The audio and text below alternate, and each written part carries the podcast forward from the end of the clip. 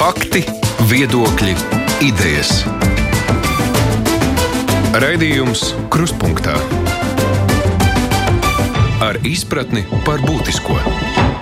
Studijā Mārija Ansona ir kārtējā darba nedēļas nogale, gandrīz pienākusi, un ir pienācis brīdis kopā ar žurnālistiem atskatīties, kas tad šai laikā ir noticis. Valdība turas, partijas ir vienojušās, ka par iespējamām izmaiņām koalīcijas līgumā spriedīs tikai pēc pašvaldību vēlēšanām. Tikmēr saimas parlamentārie negadījumi ir jau pieņēmuši iespējams tradīcijas veidolu. Tā tagad ir atļāvusi vakcinētajiem un covid pārslimušajiem ļaut klātienē klātienē skatīties pasaules hokeja čempionātu. Valdībai vēl jāizstrādā kārtība, kādā tas varēs notiks un kur cilvēki tad varēs tur tikt, cik daudz cilvēku varēs tikt. Arī šis lēmums iezīmē dažādos viedokļus valdības partiju vidū. Bet, nu, mēs runāsim arī par citiem notikumiem. Vispirms par eh, žurnālistiem, kur piedalās diskusijā Rudīts Pakovska no Latvijas televīzijas. Sveika, Rudīte! Sveicināti! Māra Libeka no Latvijas avīzes. Sveika, Māra! Labdien! Filips Lastovskis no portāla Delfi. Sveiks, Filip! Labdien! Mans kolēģis Aidis Tomsons redzamā kruspunktā. Sveiks, Aidi! Sveika, Māra! Par uh, hokeja čempionātu runājot, nu, JKP šoreiz uh, nobalsoja ar kopā ar opozīciju.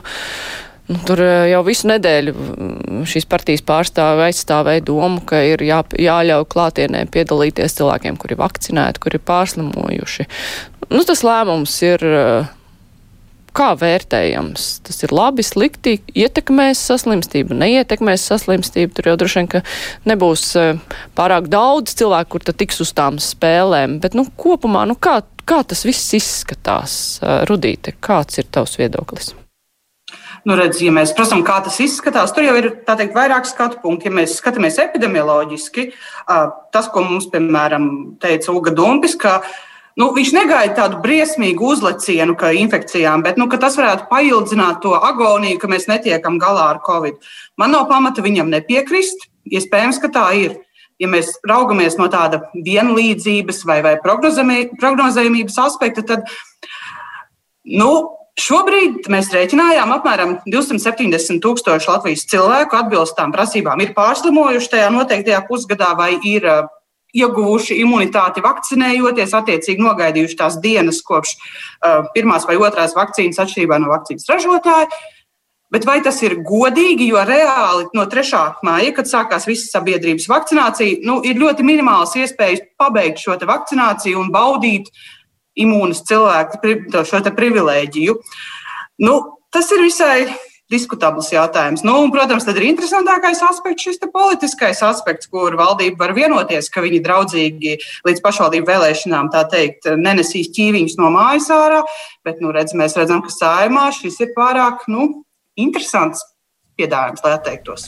Nu, labi, par Jā. šo godīguma aspektu runājot, vai tas ir godīgi pret uh, ne tikai cilvēkiem, kur nav vakcinējušies paspējuši, bet uh, arī pret pārējām nozarēm, kuras arī gribētu sev, kur arī aicina skatītājus, kur arī gribētu sev kādas valdības noteikumus un, piemēram, atļaut iet uz kino vai uz teātri, nu, tieši tāpat kā uz hokeja čempionātu. Vai ir labi iz, izvilkt laukā vienu kaut kādu notikumu un tad viņam piemērot? Māra, kā tu domā? Mm. Uh nu, valdība, kā zināms, pieņēma lēmumu Kādā situācijā tātad uh, laist vaļā un, un, un atļaut rīkot šādus uh, diezgan liela, liela apjoma pasākumus. Proti, tam uh, kumulatīvam rādītājam jābūt vismaz 200 tūkstoši. Tas ir 200 uz 100 tūkstošiem saslimstību. Šobrīd mums ir 434. Šobrīd mēs esam Eiropā starp valstīm, četrām valstīm, kur ir visaugstākā saslimstība - Nīderlanda, Zviedrija, Lietuva, Latvija. Un te ir jautājums tagad, nu, valdība tā tad ignorēs to, ko ir pati pieņēmusi tikai tāpēc, ka saima ir uh, uh, uh, šādu lēmumu savukārt pieņēmusi. Turklāt jāņem vērā tas, kā jurists skaidro, ka saimē nav nekādas tiesības uh, ar šādiem lēmumiem likt valdībai kaut ko mainīt. Ja? Tas ir jādara likuma ceļā, proti, ar likuma grozījumiem. Tagad uh, Zaļo un Zemnieku savienības deputāti iesnieguši likuma grozījumus Covid-19 uh, tad infekcijas uh, pārvaldības likumā. Iespējams, ka pieņems saima šos grozījumus, un tad valdība var sākt skatīties. Pilnīgi skaidrs, ka Krišāns Kariņš eh, nesteigsies, lai 28. tagad laistu un varētu iet cilvēki skatīties eh, hokeja spēles. Protams, ka daudziem gribās īpaši redz, kā tur Eirovīzijā notiek, jā, un ir klāt. Kalvīts teica, ir 2000 kaut kādi 600 cilvēki, kur varētu skatīties. Tad jāņem vērā arī tas, ka biļets maksā 100 un 100 līdz laikam 150 eiro, un ka tā nauda viss hokeja federācijā nokļūst, tur arī savas sautīgas biznesa intereses. Tad ir jautājums par to, kā tiks kontrolēti tie cilvēki, viņi tur ir vakcinēti, nav, uh, kā, kā, kā tā situācija būs par to izglītības ministrija un, un, un hokeja federācija atbildīgi par šo te kontroli. Nu, nu, tātad faktiski valdību spiež pieņemt saima šobrīd. Ja? Un jautājums, ko darīs valdība? Krišāns Kariņš ir teicis, ka viņi nesteigsies. Jā, es palabošu, nu, šodien ziņās bija jau, ka kumulatīvais rādītājs ir sarucis līdz 405, bet, nu, vienalga, tas ir vēl tālu, tālu līdz tam, kā bija lēmts, nu, kad valdība, var vērt vaļā. Valdība pat ir Jā, nu valdība nolēmusi, tātad viņa pati ies pret saviem lēmumiem, turklāt, tad, ja šāda mēroga izņēmums tiek taisīts, ja, nu tad arī citās, tiešām, kā kolēģi teica, citās jomās tiks prasīts tieši tas pats. Veselības ministrija pateikusi, ka izmaiņas tātad varētu būt gaidāmas jūnija vidū. Ja trešdaļa cilvēku būs sapotējušies. Ja? Un tagad mm -hmm. tas viss tiek tādā ārkārtas situācijā, nu, ko, ko, ko grib ieviest saima, pātrināts. Filip, ko tu gribētu akcentēt visā šajā stāstā? Droši vien jāskatās, ir, ko tas vārds godīgi nozīmē šajā stāstā. Jo vai, ir, vai mēs runājam par godīgumu attiecībā pret kādu ģimeni, kurai nomirs kāds cilvēks tā iemesla dēļ, ka hokeja čempionāts būs atļauts, Vai tas ir godīgi pret varbūt kādu sabiedrības daļu, kur nu, arī tā kā Mārta teica, redzēja Eirovīzijā, ka ir pilns tribīns un ka ir valstis, kuras spēj īstenot šādus pasākumus vai rīko, mēs ne. Domājot par godīgumu, pret šo, piemēram, emocionālo stāvokli, psihoemocionālo stāvokli kaut kādā sabiedrības grupā, es, es nezinu. Tas, man liekas, ir uh, pat nevis politiķu vai epidemiologu jautājums. Tur ir Tur ir jārunā jau ar citās, citu kategoriju speciālistiem.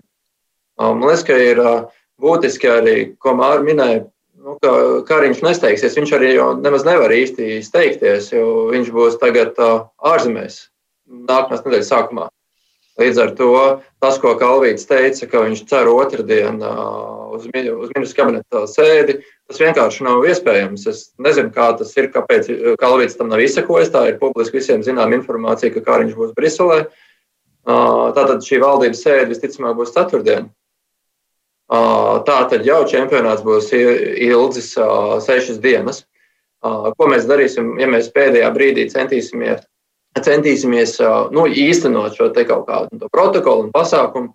Nu, kāds ir risks, ka tas nu, nenotiks gadījumā ļoti sasteigti? Ja tas notiek sasteigti, mēs redzam, kā Latvijā bieži gadās ar pasākumu organizēšanu un, un, un vai šie drošības pasākumu pārkāpumi nenomēlnos pašu vispār čempionātu norisi.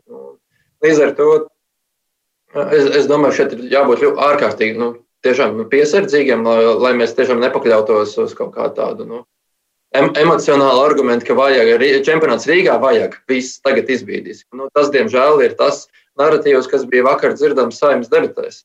Tā saimnes debašu argumentācija bija nu, nu, ļoti tāda, iespējams, pat nu, cilvēku cieņu degradējoša. Aidi, kā tev šķiet, kā tas attīstīsies tālāk? Gal galā vai tas čempionāts tiks pie tiem skatītājiem vai nē. Nu, ņemot vērā arī to, ka valdība var tik ātri to visu nepieņemt, valdība var arī kaut kā piekorģēt tos lēmumus tā, ka nu, tur uh, tie skatītāji nav īpaši daudz. Vai, vai valdība šajā gadījumā mēģinās nu, parādīt, kurš te ir noteicējis? Jo nu, saima nu, vismaz no manas puses izskatās, ka ir tāda spēkošanās. Saima saka, nē, mēs esam galvenie, mēs ļaujam, mēs varam. Savukārt eh, valdība var arī parādīt, ka nē, par šiem jautājumiem lemjam mēs, vai tu, tu redzi šādu spēkošanos? Uh, nu, nav, jau, nav jau tādas kaut kādas amorfas valdības vai amorfas saimnes. Beigās jau gan viena, gan otra veido tie paši politiskie spēki. Tas jau ir tāds vairāk cilvēcisks jautājums šajā brīdī skatoties. Nu, es pieļauju, ka arī kādā atsevišķā partijā droši vien kādi ir lielāki sporta fani, kādi mazāki. Tas varētu būt tāds, man liekas, ļoti cilvēcisks, subjektīvs jautājums. Es nevaru atbildēt, kā tas izskatīsies politiski, kuru, kuru tur ir vairāk. Es neesmu saskaitījis. Bet ja par visu to pašu pasākumu es laikam esmu viens no tiem, kurš um, mazāk raizējas par to. Man, man personiski tas nešķiet tik ļoti būtiski, jo tā ir drīzāk tāda emocionāla nu, varbūt sašūpošanās netik daudz pragmatiska no manas skatu punkta. Es, protams, saprotu, ka tur ir, ja pat tiešām ļauj tiem skatītājiem nākt, tur ir pragmatiski jautājumi, kas laikam visgrūtākais jautājums, kā tu pierādīsi, ka tu patiešām esi vakcinējies. Jo tās apliecinājumi, kas ir šobrīd pieejami, nu, viņi ir. Nu, tie jau nav īsti izmantojami. Tos jau var jebkurš uztaisīt uz kserokopijas un papīra un izlietot. Tā tad tur ir jāatrod to tīri tehniski. Es nezinu, vai to var tik ātrā tempā izdarīt. Bet, um, ja runājam savukārt par uh, pašu to tīri uh, epidemioloģisko situāciju, nu, tur jau tādas būtiskas bažas es neredzu. Runa jau ir šobrīd tikai par vakcinētajiem vai pārslimojušajiem ar, ar visām ievērotajām maskām. Uh, no tāda viedokļa skatoties, nu, man gribētos cerēt, ka, ja tur patiešām ir tikai vakcinētie vai pārslimojušie, ka tam epidemioloģisko situāciju nevajadzētu pasliktināt. Bet nu, vai tas ir godīgi vai negodīgi? Nu, es tagad nevarētu iet. Es, mēs esam vakcinējies šajā nedēļā. Es droši vien uz kaut kādu pusfinālu vai finālu varētu paspēt. Uh, Vai es esmu tik liels hockey fans, ka man gribās, nu, ka man vajadzētu iet? Laikam, nē, man, man tiešām arī nav nemaz tik daudz liekas naudas, lai es tā būtu gatavs steigāt pa hockey spēlēm apkārt, tērēt simtnieku pāri. Nu, iespēja tā droši vien kādiem ir. Vai man skaustu, ka mediķis vai, vai kas tur vēl varētu, kas ir tās pirmās grupas pensionāri, jau laikam diez vai varēs izmantot ar dārgo biļešu dēļ lielu daļu. Uh, nu, tie, kas skrēja tajā aprīļa sākumā, tajās rindās stāvēt, uh, tie varēs paspēt ar AstraZeneca, kas aizskrēja. nu, nu, arī cilvēki, kuri pārslimojuši arī. Vai kas ir pārslimojuši? Vai man ir žēl? Ne, man nav žēl. Nu, ja tu man prasa cilvēciski, mm. jā, vai man ir žēl, ka kādam var un kādam nevar, man nav žēl. Iespējams, ka kādam ir žēl. Uh, Es uz to raugos tā ļoti filozofiski. Man personiski ir vienalga. Nu, klausītājs norāda, runājot par Eirovīziju, tas lēmums tika pieņemts stipri laikus, nevis norises dienās. Un šajā gadījumā tas ir tas, nu, kāpēc ir tie daudzie jautājumi, a kā, a kā to vispār var norganizēt tā normāli, saprotami un godīgi. Ja, ja čempionāts sāks jau šodien, un kamēr tas viss notiks, tas čempionāts varbūt jau būs beidzies. Bet, uh, Tomēr par tām citām nozerēm, kas tiek pārmests izglītības ministrijai, tas, ka tās pārstāvji akt, nu, politiskie pārstāvji aizstāv klātbūtni, skatītāju klātbūtni hokeja čempionātos tajā pašā laikā nu, tiem, kas ir saistīti ar eh, izglītības jomu, ar eh, nu, skolotāji, bērnu vecāki, ka viņiem savukārt nav nekādas skaidrības par to, kas notiks nākamajā mācību gadā, ka tiek tiešām plānots, domāts, lai, cilvē, lai bērni varētu tikt uz skolu droši un klātienē. Respektīvi, ka ministrija savus spēkus un enerģiju tērē šādām lietām, tajā pašā laikā nedomājot par to būtisko. Vai, pārmet, vai šis pārmetums ir vietā, Rudīte? Nu, es neliktu tādu šausmīgu treknu vienādības zīmi starp uh, hokeja čempionātu un skolām, vai, vai pat dziesmu svētkiem, vai nu, kaut kādiem, ko, kas saistās ar bērniem. Jo, uh, nu, tomēr hokeja čempionātā lielākā daļa skatītāju potenciāli būtu pieaugušie, kuriem ir iespēja vakcinēties. Bērnu vakcinācija līdz 16 gadiem nenotiek, varbūt kaut kad būs no 12. Uh, Tur tā nevar gluži, bet es gribēju teikt, ka kaut kāds manā tādā sajūtu līmenī ir tāds patiesības grauds, ka uh, ka tas, ko sabiedrība mēs runātu par tiešām par mums visiem, par Latviju, par tās nākotni pat, kas mums būtu svarīgi, mums būtu svarīgi, lai bērni, kas šobrīd mācās no 1 līdz 12 klasē, lai viņi atgriežas normālā mācību režīmā, jo tās lietas, ka, kā šis attālināta dzīve ir ietekmējusi bērnus, jauniešus, tas ir šausmīgi. Un, mani ļoti uztrauc, ka tā nav tāda lielāka prioritāte, kurā tiek ieguldīts ļoti daudz. Es saprotu, ka tur nav viegli risinājumu. Jo, lai tas, lai tas atrisinātos, vajag, lai Covid pandēmija beigtos. Bet uh, man, tur man nav vispār, tur nav vispār tāda loģiska risinājuma, jo tas vien, viens no risinājumiem ir tātad skolotājiem obligātā vakcinācija. un Tas ir jautājums, vai mēs esam gatavi uz kaut ko tādu iet. Bērniem šobrīd vakcinācija nav pieejama, viņa nu nav pieejama. Tālākais jautājums par visu sabiedrību. Ja sabiedrība vakcinējas, jā, es, es īsti neredzu, ko tur vēl var skolotāji izdarīt. Man, es, protams, esmu par to, ka septembrī vienkārši skolas ir jāved vaļā, jā, un tur variantu liela nav. Un šajā brīdī, ja kādi bērni atnes vecākiem mājās, kas nav vakcinējušies, nu, tad, piedod, vecāki ir paši vainīgi. Es šeit sacītu, ka te ir tāda, nu, ja mēs tur baigi sacīsim, ka tāpēc, ka, lai ievērotu mūsu visu cilvēku tiesības nevakcinēties, mēs turēsim skolas mūžīgi slēgtas, tas ir stulbi. Es saku, piedod, līdz septembrim lietas ir izdarāmas, bet tur ir tikai viens ceļš - vakcinācija. Tur jau citu ceļu nav. Māra. Nu, salīdzināt čempionātu. Nu, nu, nu, čempionāts ar skatītājiem tā ir daļa no mūsu tātad epidemioloģiskās drošības. Un es nezinu, kā nu, skolas un, un, un sasaistīt to kopā. Man liekas, ka um, skolu atvēršana un tā situācija, ja, ja ā, virzīsies tā, kā ir pat laban, kā ar vien vairāk cilvēku potējās, ā, nu, tai situācija ir jāuzlabojās. Nu, to rāda mums ā, citas valstis, kur vakcinācijas ā, tā aptvere ir daudz augstāka. Un tās skolas loģiski varēs atvērt septembrī. Ja nu pēkšņi nāk virsū tādas mutācijas, ja, kur nav nekādu vakcīnu un atkal izplatās ārprāt tempos tā saslimstība, tas ir cits jautājums. Nu, tas ir tikai tāds pieņēmums, bet domāju, ja reāli tā situācija, kāda šobrīd, ka cilvēki tomēr dodas vakcīnas, kā sola veselības ministrs, būs pieejamas, nu, tad, tad uz priekšu. Nu, šaubos, ka radīsies kaut kādas milzīgas problēmas, ka būs skolēniem jāsēž mājās atkal. Filipa. Nu, Maz, ka Nešuplinska nav ne pirmā, ne pēdējā no ministriem, kas savu nu, darbu veids arī tā, lai domātu, ar ko viņi atcerēsies vēl šajā termiņā. Vai viņi var paspēt kaut ko izdarīt šajā termiņā, runājot nā par nākamajām vēlēšanām vai nē. Vai viņi būs ministri, kas noorganizēja to, ka čempionātā var būt cilvēki, un vai tur dziesmu svētki notiek, vai viņi būs ministri, kas to nepanāca.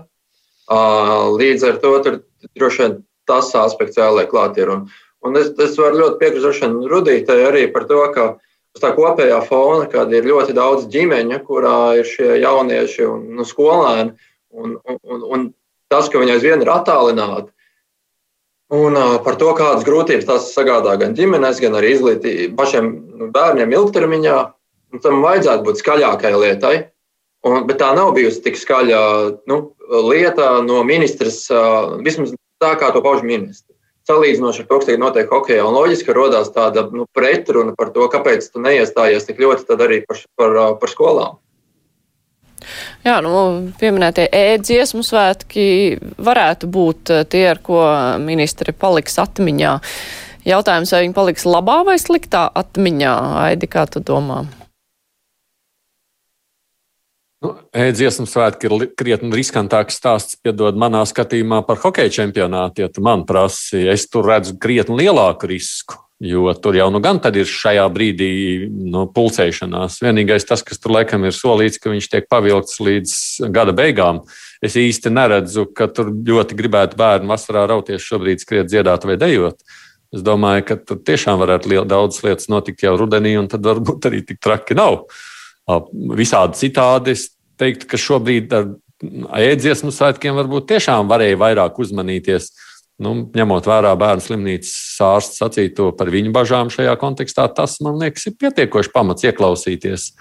Visādi attiecībā uz skolām tādā ziņā es tiešām man ir grūti pasakīt, ko ministra tur vēl varētu darīt šajā brīdī. Ir jau skaidrs, ka skola beigusies. Te jau vairs nav ko pīkstēt. Ir maijs, ir beidzies.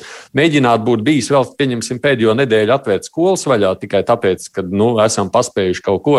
Tas var būt bezgalīgi stulbi, protams. Tagad gaidām septembris, septembrī varam vaļā skolas, viss notiek. Attiecībā uz ēdziesmu svētkiem, nu, brīvprātīgi, ja kas grib un dejos un, un dziedās, um, Vai, vai, vai tam ir jābūt tādām emocionālām piesātnījumam, ka mēs obligāti nedrīkstam palaist šo gadu garām. Par to es neesmu pārliecināts. Es nezinu, vai bērniem tas ir tik ļoti būtiski. Bet, nu, kas gribēs dziedās, kas negribēs nedziedās. Es, es domāju, kaut kā tā. Bet labāk rudenī. Labāk rudenī.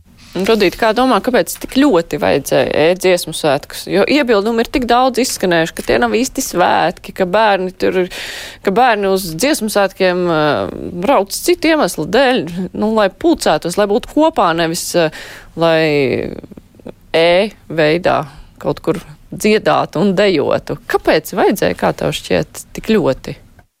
Nu, te nu man ir jāatzīstās.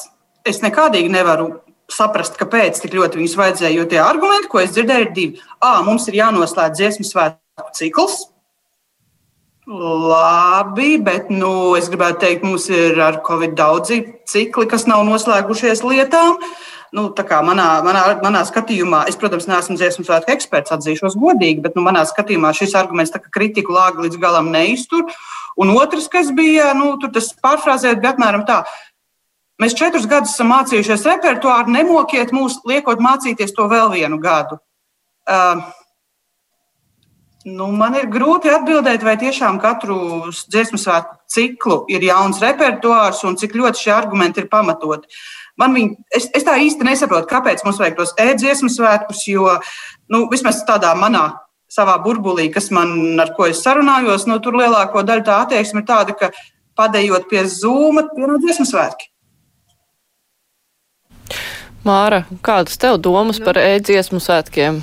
Nu, tos uh, digitālos dziesmu svētkus vajag kolektīvu vadītājiem, kuri ir ar tiem uh, nu, saviem, saviem uh, skolēniem, ir, ir darbojušies visu gadu. Liela daļa nav darbojusies, skolēni nav ne dziedājuši, ne dejojuši. Man liekas, ka te vairāk tiešām izskatās, ja kaut, kaut tas tiek uzsvērts, ka tas tā nav. Uh, naudas vairāk apgūšanas jautājums tie ir 4,5 miljoni. Atcerieties, ka pagājušajā gadā. Tieši tāda summa arī nenotikšiem dziesmu deju svētku organizēšanai tika iedota. Mm, un tad ar lielām, jāsaka, grūtībām uh, to naudas summu izglītības zinātnes ministrija neiepludināja citās programmās viņiem aizliedz to darīt. Bet, bet digitāliem dziesmu deju svētkiem, kur var tērēt tik milzīgu naudas summu - 4 miljonus? Man tas ir jautājums neatbildēts.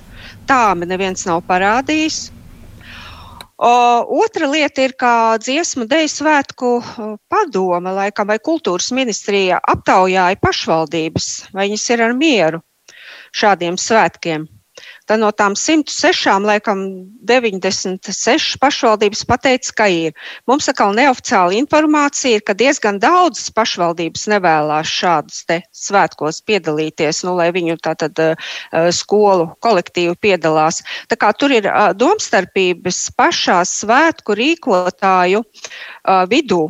Un tas, kā mums publiski runā ministre un publiski runā dziesmu deju svētku izpildu direktori, vēl nenozīmē to, ka tie kolektīvi, kas, kas nu, ir plānoti, ka viņi piedalīsies, vai arī tie, kuri nav spējīgi piedalīties, un, un, un pašvaldības tāpatās, tur tie viedokļi var būt krasi atšķirīgi.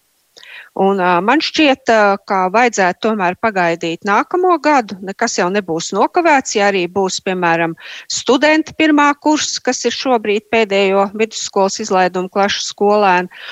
Tāpat viņi var piedalīties un, uh, nu, es uzskatu, ka tas, nu, tos nevar saukt par dziesmu un deju svētkiem. Tad, tad galējā situācijā varbūt var kaut kādus atsevišķus koncertus skolēni rīkot un skatīties digitāli.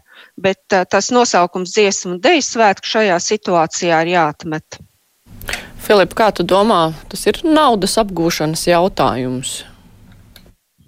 Tā nezinu. Nu, tā Latvijā bieži gadās. Pie faktu uz galda nevar uzlikt par to, ka es zinātu, ka tā ir vai nav. Es jau iepriekš minēju par to, ka es uzskatu, ka dziesmu svētki, ja viņi notiks tādā formātā, tad tas būs JKP viens no nākamās reklāmas kampaņas elementiem. Par to, ka mēs to panācām, visi diezgan skaidri zina, ka izglītības un zinātnes ministrija neviens īsti negrib vadīt. Un, uh, no viņas diezgan daudz ko nevar dabūt ārā, izņemot sašutumu vai kaut kādas nu, problēmas, kas jārisina. Un šeit ir kaut kas, kur aizķerties teiksim, no partijas puses. Līdz ar to es tādu cinisku to raugos. Un, nu, ne, ne ļoti atvērti. Piekrītu Aidim par to, ka risks šeit ir epidemioloģiskais ievērojami lielāks nekā pasaules čempionātā hokeja. Neskatoties uz to, ka izglītības un zinātnes ministri atsaucās uz to, ka nu, viss jau notiks tikai atļautu noteikumu ietvaros, ja nemaldos, tur 20 cilvēki vai cik tur, tur šo, pēc šī brīža situācijas varētu tur kolektīvā pulcēties. Nu, mēs saskaitām visus tos novadus kopā. Nu, tas jau tas, ka ir atļauts 20, nenozīmē, par, ka par katru cenu tas tur tagad ir jādara. Un, uh, tas arguments vēl arī par to, ka, uh, nu, ka jauniešiem tas ir ļoti svarīgi psihoemocionālā stāvokļa dēļ. Iespējams, bet tad lūdzu datus studijā, jo visādi citādi pašam šo raugoties no malas, man rodas sajūta, vai tiešām ministrs saprot, kas ietekmē vai neietekmē 15 vai 14 līdz 18 gadus vecu jauniešu psihoemocionālo stāvokli. Vai viņi Ja viņi palūkotos, kas vispār notiek latviešu runājošajā TikTok kontu vidē, jaunieši jau sen kopā ir sanākuši, izklaidējās, balējās, dzīvojās, draudzējās un cenšas saglabāt to savu ne, noskaņojumu kā māku. Vai tiešām dziesmu svētki tagad būs tie, kas viņus nu, sagraus? Piedodiet, atvainojiet, ja gadījumā ir tāds, gan jau, ka ir kāds, kuram tā var būt, bet tā ir tik masīva problēma, es stipri šaubos. Filip, tu runāji par 20 cilvēkiem, 20 pieaugušie, bet uh, skolēni jau netiek vakcinēti no 16 gadiem. Ja? Tie, tie jaunieši, 20 pieaugušie mums ir ļauts šobrīd iekštelpās vakcinētiem okay. pulcēties. No, tās ir iekštelpas, bet uh, nu, jā, ir teikts, ka kolektīvi jau var pulcēties arī ārā, tāpat kā sporta nodarbības, kur ar tagad ir 20 cilvēki, kur ārā var pulcēties. Bet uh, runājot par šo psihoemocionālo stāvokli, nu, tā, tā jau ir gan problēma, bet diez vai ar vismaz mans viedoklis ar ēdziesmu svētku palīdzību to var risināt, jo, ja, ja, kole, ja bērniem ir nepieciešama komunikācija savā starpā, nu, to var varbūt organizēt tā netik plašā apmērā. Un, mm. Nu, jā. es neticu, ka bērni grasās šajā vasarā pavadīt laiku tieši tāpēc dziesmu svētkos. Nezinu, man var būt, ka es dzīvoju ne tajā bērnu vidē, bet cik, cik man, man apkārt dosās daudz bērnu, pateicoties pašu bērniem. Uh, Es uh, redzu, jau jā, taisnība. Viņi sāk ar vienu aktīvāk komunicēt savā starpā. Viņi vairs tik ļoti uz to epidemioloģisko situāciju neskatās. Uh, visu ziemu viņi tiešām ir nosēdējuši iekšā, bet, nu, jau ņemot vērā pavasari, viņi, viņi pa lauku dragā vien kopā apskatieties, kas notiek kaut kādos sporta laukumos, pašvaldībās. Uh, tur tiek spēlēts futbols. Tā no tāda ziņa, protams, es piekristu. Futbols ir legāli. Tāpat, futbols ir legāli. Tāpat, jā, jā, bet tā, līdz ar to tas jau tāpat notiek. Teiksim, tā, tā tusēšana jau viņiem savstarpēji faktiski jau notiek. Bet vai viņi gribēs vasaru šajā pavadīt? Es kaut kā šaubos, neticu tam. Es domāju, šajā reizē tas tiešām ir svarīgāk, drīzāk tā tās dziesmu svētkas kustības tādai emocionālai labsajūtai, nevis, nevis pašiem bērniem šajā brīdī. Bet, bet septembrī varētu jau arī to mēģināt. Es saku, septembrī, manuprāt, skolas ir jāved vaļā. Tur variantu nedrīkst būt citu šajā brīdī, un tam ir jābūt mērķim kā obligātam. Es atgādināšu klausītājiem, ka šodien kopā ar mums ir Māra Libeka no Latvijas avīzes, Rudīts Fakovska no Latvijas televīzijas, Filips Lastovskis no portāla Delfi un mans kolēģis Aidis Tomsons Latvijas radio kruspunktā. Raidījums Krustpunktā. Mazliet Covid kontekstā vēl parādās ar vien jaunas ziņas par to, kur un kādas priekšrocības varētu būt vakcinētiem cilvēkiem. Šodien bija ziņa par to, ka Stradiņu universitātē Klatīnē vakcinētie studenti varēs sanākt. Tāpat ir arī diskusijas par to, nu, ka varēs strādāt vakcinēti masieri un kosmetologi. Um, tas ir pareizs pieejams, ka vakcinētajiem ir vairāk atļauts nekā nevakcinētajiem, jo nu, iebildumi arī nu, šajā skaistumkopšanas nozarē, pie kuras daļēji pieskaitāmi arī ir šie masie, protams, varbūt ārstniecības personas, bet varbūt arī vairāk piedrīgi skaistumkopšanai Nu, ka viņiem ir tie atsevišķie nosacījumi, tiek rīkoti. Es tikai pabildīšu, stradiņi jau faktiski tas nav priekšrocības. Stradiņi būtībā ir uztaisījuši tā, ka tu, ja tu nevakcinēsies, tu īsti studēt vairs nevarēsi. Vismaz tā es no tās ziņas sapratu, jo, jo citādāk.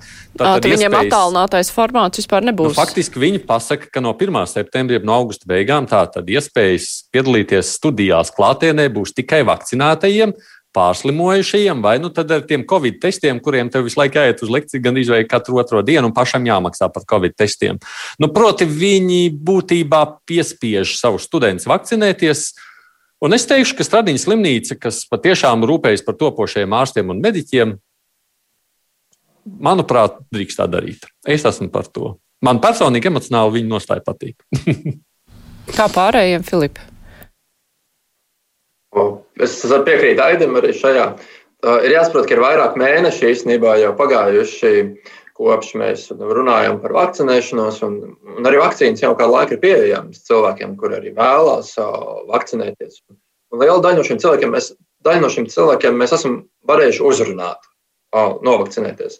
Un tālāk paliek ar vien grūtāk un grūtāk, jo ir kaut kādi šie argumenti, kāpēc cilvēki nevakcinējās. Un tur ir tās divas milzīgās daļas. Viena ir šie antivakseri, kur tic dezinformācijai un vienkārši muļķībām, Bilam Geitsam un tam Bill Gates sazvērstībām un tā tālāk. Un tā tālāk. Un otra daļa, kurai ir kaut kādas pamatotas, argumentētas bāžas, bet nu, viņi nav šīs dezinformācijas upuri.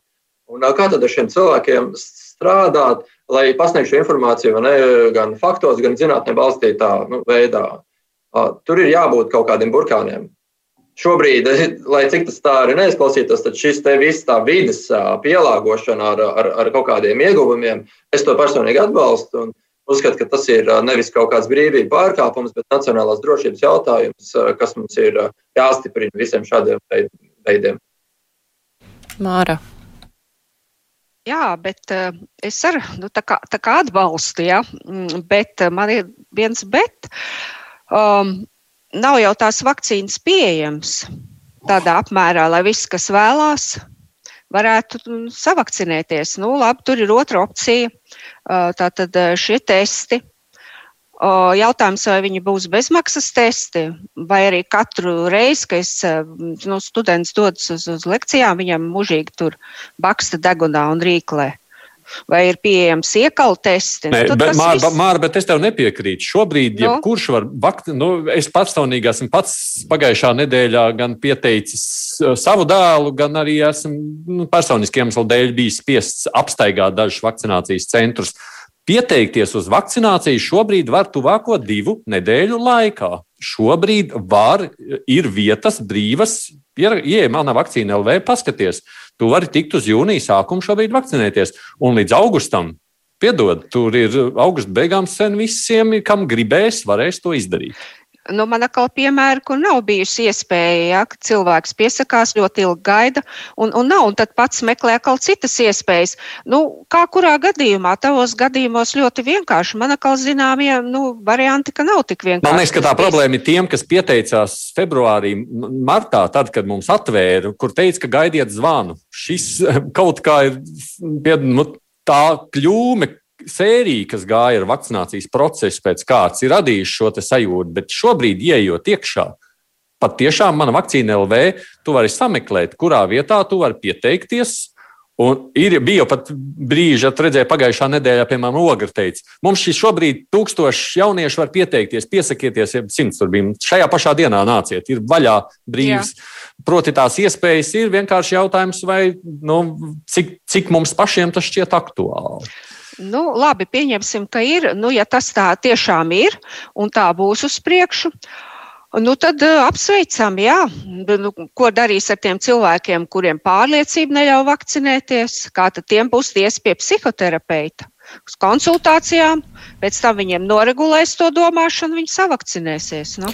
Nē, nu, mums uh, brīvajā mikrofonā arī zvanīja kundze, kur teica, ka viņai ir dzīvē, viņa ir vakcinējusies pret bērnu trieku, viņa tika vakcinēta un viņa ar to saslima, desmit gadus slimoja. Viņa ir vakcinējusies pret gripu pirms operācijas un smagi saslima ar gripu. Nu, respektīvi, viņai ir ļoti bēdīga vakcinācijas pieredze. Un, e, viņa, nu, un es absolūti viņu saprotu, ka viņa baidās un viņa negrib. Jo nu, cilvēkam varbūt organisms tā reaģē. Jautājums, vai vai šajās situācijās ir kaut kāds nu, algoritms, nu, kā rīkoties tādiem cilvēkiem, kuri, kuri nu, manā ieskatā viņi varētu paļauties uz kolektīvo imunitāti.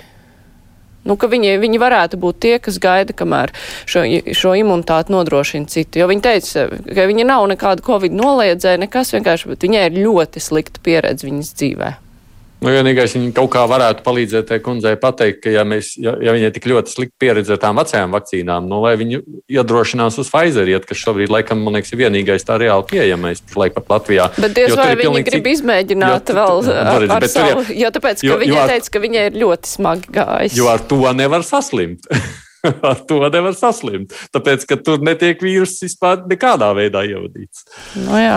Rudīt, kā tev šķiet, ir nepieciešams priekšrocības vakcinētajiem? Es teiktu, viennozīmīgi. Uh, bet tas, ko es prognozēju, ka mums noteikti par to, cik šīs priekšrocības ir samērīgas, būs tiesu darbi. Es domāju, ka noteikti būs par to, vai šīs priekšrocības ir samērīgas pret visu sabiedrību un tā tālāk. Uh, Un, um, ja mēs runājam par to kundzi, kur tu minēji no brīvā mikrofona, uh, es pilnīgi piekrītu. Pirmkārt, nu, ne visas vakcīnas ir simt. Neviena vakcīna nav simtprocentīgi efektīva. Vienmēr būs kaut kādi cilvēki, kuriem viņi nenostrādās tā kā vajag. Un vienmēr būs cilvēki, kur dažādu iemeslu dēļ, objektīvu iemeslu dēļ, uh, nevar vakcinēties. Vai tās ir veselības problēmas vai vienalga. Uh, un tajā brīdī es pat domāju, ka mums šīs priekšrocības vakcinētājiem ir vēl nepieciešamākas, jo Jā, es piekrītu kolēģiem, kur teica, tas ir milzīgs burkāns cilvēkiem iet un aktīvi to darīt.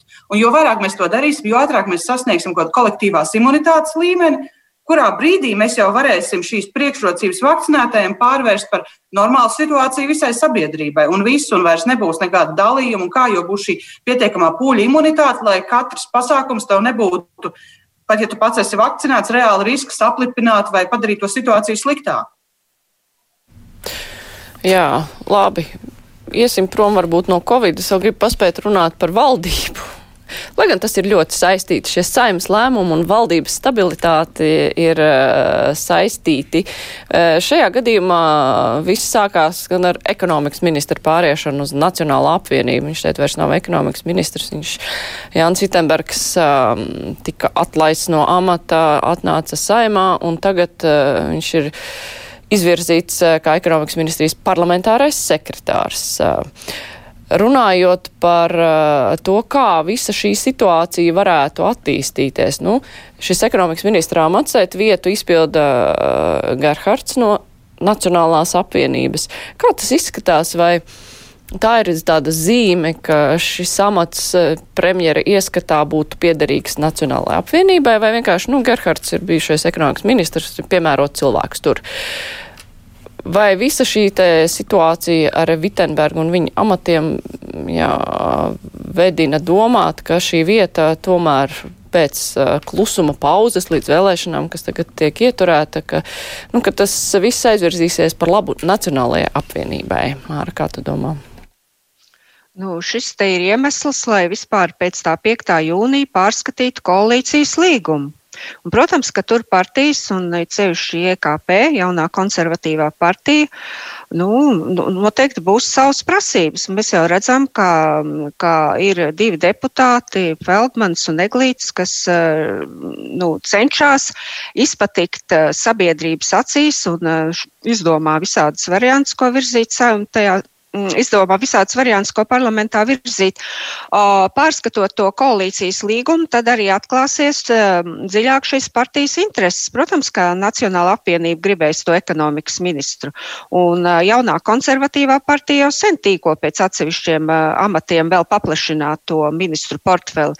Un tas var vispār novest pie diezgan tādiem nu, smagiem konfliktiem.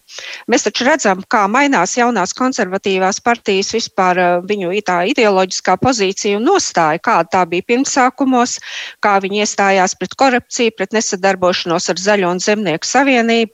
Juta Strīķa, nelaiķa deputāte, viņa taču negāja pie spīkeres saimnes iekšā kabinetā, ja tur atradās Zaļo un Zemnieku savienību un, un saskaņas pārstāvi.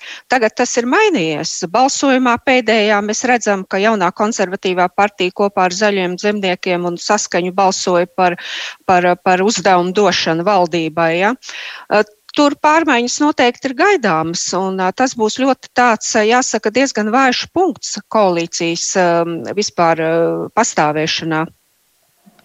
Tā kā partijas noteikti izmanto šo situāciju, Nacionālā apvienība, jaunā konservatīvā partija, lai iegūtu labumu sev. Tas ir skaidrs.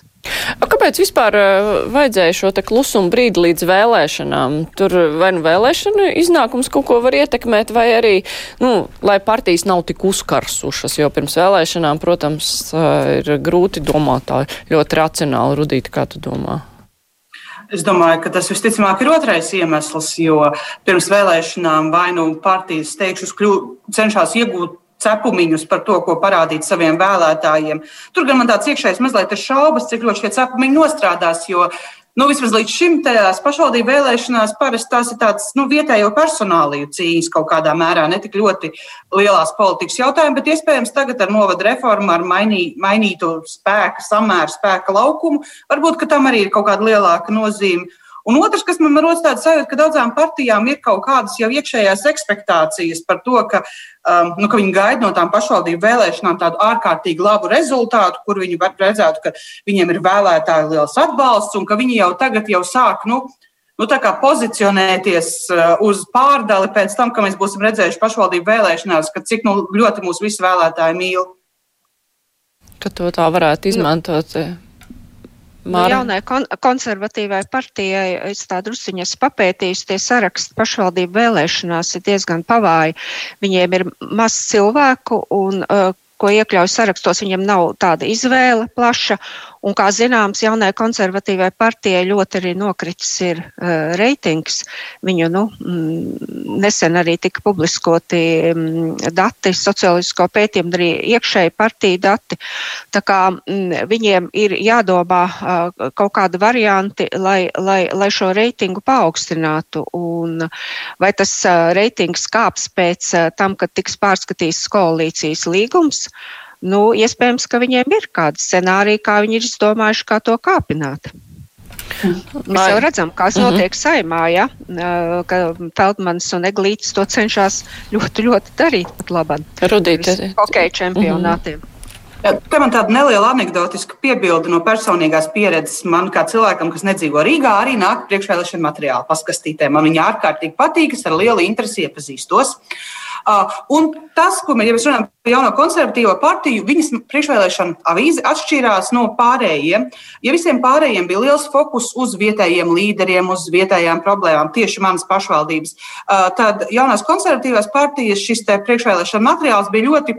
Ja tā varētu teikt, globāls valsts mēroga, ka nu, tas, tas tā ziņa, ko viņi nodeva balso par mums, jo mums ir lielisks tieslietu ministrs, mums ir šādas, mēs esam panākuši valsts līmenī to, ka viņi mēģina tajās pašvaldībās nu, tādu, tādu vismaz sajūtu līmenī ieiet ar to valsts politikas piedāvājumu. Tas varbūt arī daudz ko izskaidro par šīm te. Uh, priekšvēlēšana tuvumu un, un satraukumu, ko tas rada politiskajā arēnā. Un kas notiks pēc vēlēšanām, Aidi? Kādas tev ir prognozes? Eh, nu, ķersies pie koalīcijas līguma, iespējams pārskatīšanas. Es paredzu, ka visticamāk, ka kaut kāda pārskatīšana būs. Jo redzi, ir jau skaidrs, ka kopš vēlēšanām tas spēks samērs ir pamainījies un patīk tas viņiem vai nē, bet KPVLV nu, nav vairs tā, kas bija. Un eh, šajā situācijā Oh, ir jau redzi, lai arī cik mums jocīgi neliktos pašiem, man tas pašam reizēm šķiet jocīgi. Es esmu, man liekas, par to jau kādreiz arī iepriekšējās kādās piekdienās sacījis. Partijas šīs pašvaldību vēlēšanas, vismaz iepriekšējā vēsture rādījusi, kā tādu indikātoru vēlētāju uzticībai, tomēr sev paņem.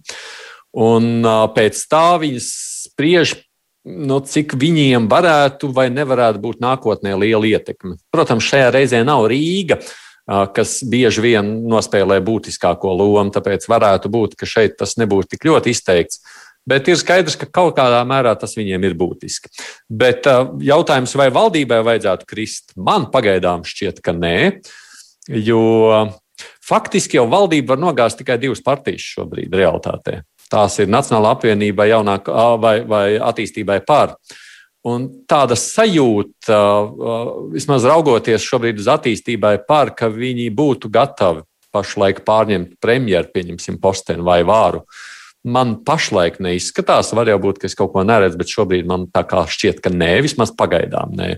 Attiecībā uz Nacionālo apvienību viņiem varētu varbūt būt lielākas manevru iespējas, bet viņi, man liekas, vispār negrib pārņemt kā premjeru vārdu. Viņiem ir, viņi, var, viņi ir gatavi mainīt koalīciju vajadzības gadījumā. Viņi, man liekas, vismazāk varētu satraukties par valdības maiņu, bet uh, viņi drīzāk, es domāju, šo izmanto kā iespēju, lai palielinātu savu ietekmi. Un tā viņiem ir. Pašreiz viņiem ir ļoti veiksmīga kārts kopā ar Vitsenbergu, lai viņi varētu palielināt savu ietekmi. Attiecībā uz jauno konservatīvo partiju viņiem šīs valdības šūpošana ir svarīga varbūt no tāda vēlētāja skatu pievēršanas, bet viņi ir ārkārtīgi negribētu, lai šī valdība krīt.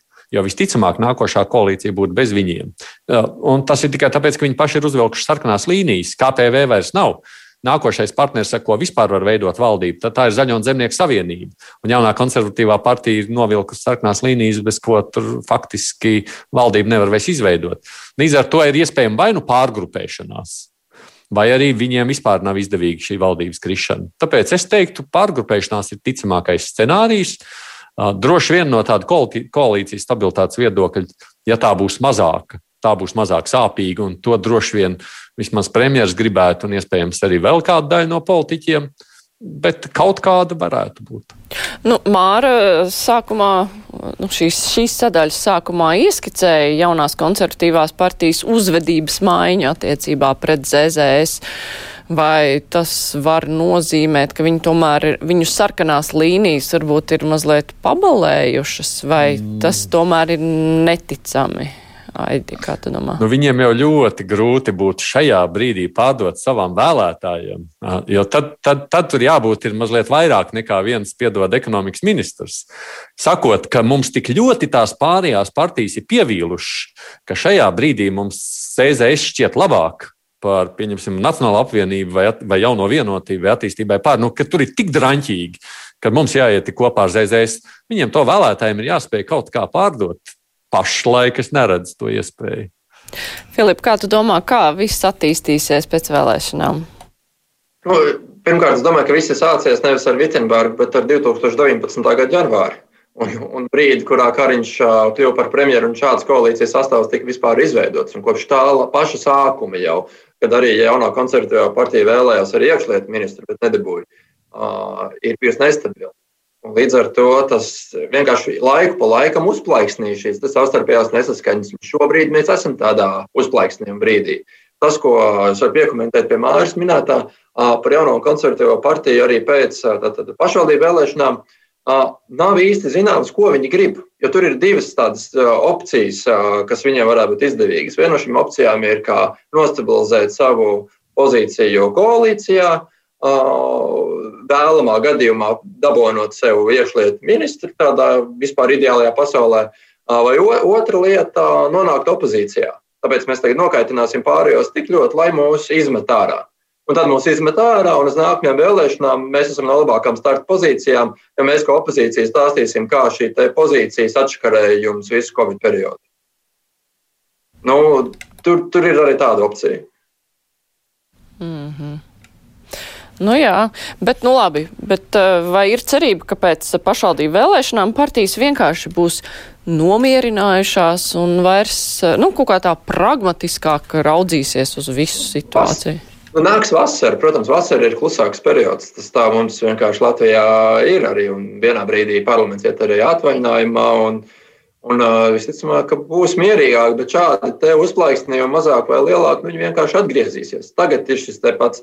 Uh, nu, čempionāta, hokeja čempionāta laiks vai ne, un ir notikums ar Vitsenbergu, un tas mums ir piešķīlis uguni. Norims, labi, nu, paies pāris nedēļas, mēnesis, būs nākamais notikums. Paies nedēļa mēnesis, paies divi mēneši, un tur jau nākamās saimnes vēlēšanu priekšvēlēšanas jau atkal sāksies. Tad, mm. Tāds... Manuprāt, jaunā konservatīvā partija šeit ir vispilgtāk no visām partijām bruģējis šo ceļu uz, uz nākamajām saimnes vēlēšanām tieši. Un, un viņām Uh, un, un aizkaitināja, protams, šis Vitsenbergs, jo pašvaldību vēlēšanās tas ir arī svarīgi, ka Nacionāla apvienība var teikt, ka mūsu rindas papildina cits ministrs. Tas ir ļoti tas ir būtisks simbols arī, ar ko startēt šajās pašvaldībās. Nu, ka viņi ir stiprāki. Tāpēc arī Nacionālās apvienības interesēs šobrīd ir vienkārši viss klusēt un cerēt, vienkārši, ka šitais viss norimst. un tas, uh, un neizmainās šis koalīcijas spēksamērs.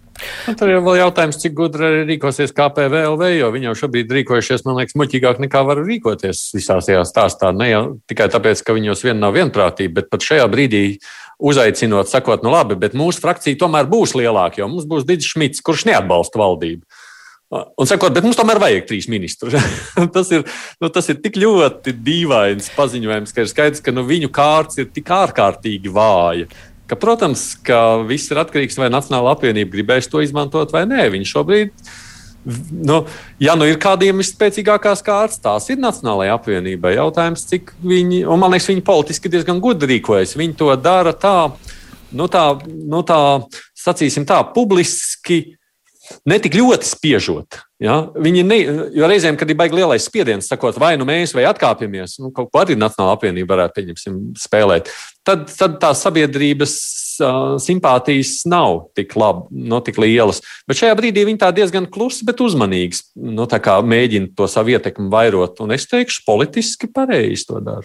Bet KPVLV, nu, vai viņiem vispār ir vēl kādas tiesības gribēt tik daudzus amatus? Nu, Tagad, Jā. nu, kad šis, šis koalīcijas līgums nu, tiks skatīts, nu, nu, kādam taču būs šis jautājums? Rudīte. Protams, ka kādam būs jautājums. Eh, tas jau būs lielākais jautājums, cik kuram pienākās. Jo nu, tas, ko ir sajutuši pārējās partijas, ir tas, ka ir nu, tā teikt, vara par brīvu, respektīvi eh, KPVLV piedarošās varas vienības, kuras, nu, es gribētu teikt, visticamāk, katrs jau ir galvā vismaz piemērījis, kā mēs viņus varētu izmantot. Bet redz, tur jau. Uh, Tur jau ir jautājums par to, cik kuram pienākās un cik kurš var otram atņemt, jo nu, kaut, kāda, kaut kāds gabaliņš ir jātiek katram. Un, un arī KPVLV mēs nevaram gluži pateikt, jums nekā nebūs, sēdiet mierīgi un atbalstiet. Viņiem jau ir, viņiem jau ir divi ministri vēl palikuši. Vai ar to nu, nepietiek? Ir godīgi viens ministrs, neviens ministrs. Nē, viņus var, viņus var ļoti viegli. Viņus no koalīcijas šobrīd izsvērēt var ārā ļoti viegli. Un patiesībā visi trīs ministrus sadot vienu nacionāļiem, vienu attīstībai par, pieņemsim, un vienu IKP. Un visi ir apmierināti. Premjeram, man liekas, pietiek ar to, kas ir šobrīd. dzīvo uz priekšu. Jā, un tad mēs ņemam lapu un rēķinām sājumas balsis un domājam. Nu, jā, nē, nē. Un tad ir svarīgi, vai tu vari tos parlamentāros sekretārus, līdzīgi kā Zakat, iztavu grupu vēl iedot, tāpēc, ka viņiem jau balasts ir patiesībā šobrīd lielāks nevis vairs no KPV, pieci cilvēki ar visu to, ka viņam tur nāk šmits klāt. Tie ir pieci cilvēki, kuri ir tikpat nestabili. Šobrīd tie, kas ir aizgājuši no KPV ar Artus kaimiņu, ir krietni stabilāki. Uz tiem var, kā, var krietni var labāk paļauties. Jā. jā, tā kā vajadzība pēc. Nu, ko lai saka, ministru amatu viņiem un koalīcija ir glābta? Nu, jā, ne, nezinu, viņi, viņi jau nav teikuši, ka viņiem obligāti vajag ministra amatu, bet, nu, labi, to mēs redzēsim, vai šāds jautājums kļūs aktuāls, jo varbūt tiešām ar parlamentāriem sekretāriem iztiks. Mums vairs nav laika nemaz diskusijām, toties mēs varam gaidīt, kā šie notikumi pēc vēlēšanām attīstīsies tālāk. Pirmdien kruspunktā. Aidis Tomsons intervēs eh, Latvijas kokrūpniecības federācijas izpildirektoru Kristapu Klausu par aktualitātēm kok, kokrūpniecības nozarē. Tā kā gaidiet šo pirmdienas interviju, savukārt šodien uh, raidījums kruspunktā izskan. Raidījuma producenti ir Evi Junām, savukārt studijā bija es Māra Jansona. Un atkārtojumu jūs vienmēr varat noklausīties pēc deviņiem vakarā vai izmantojot kādu podkāstu. Paldies, ka klausījāties. Visu labu!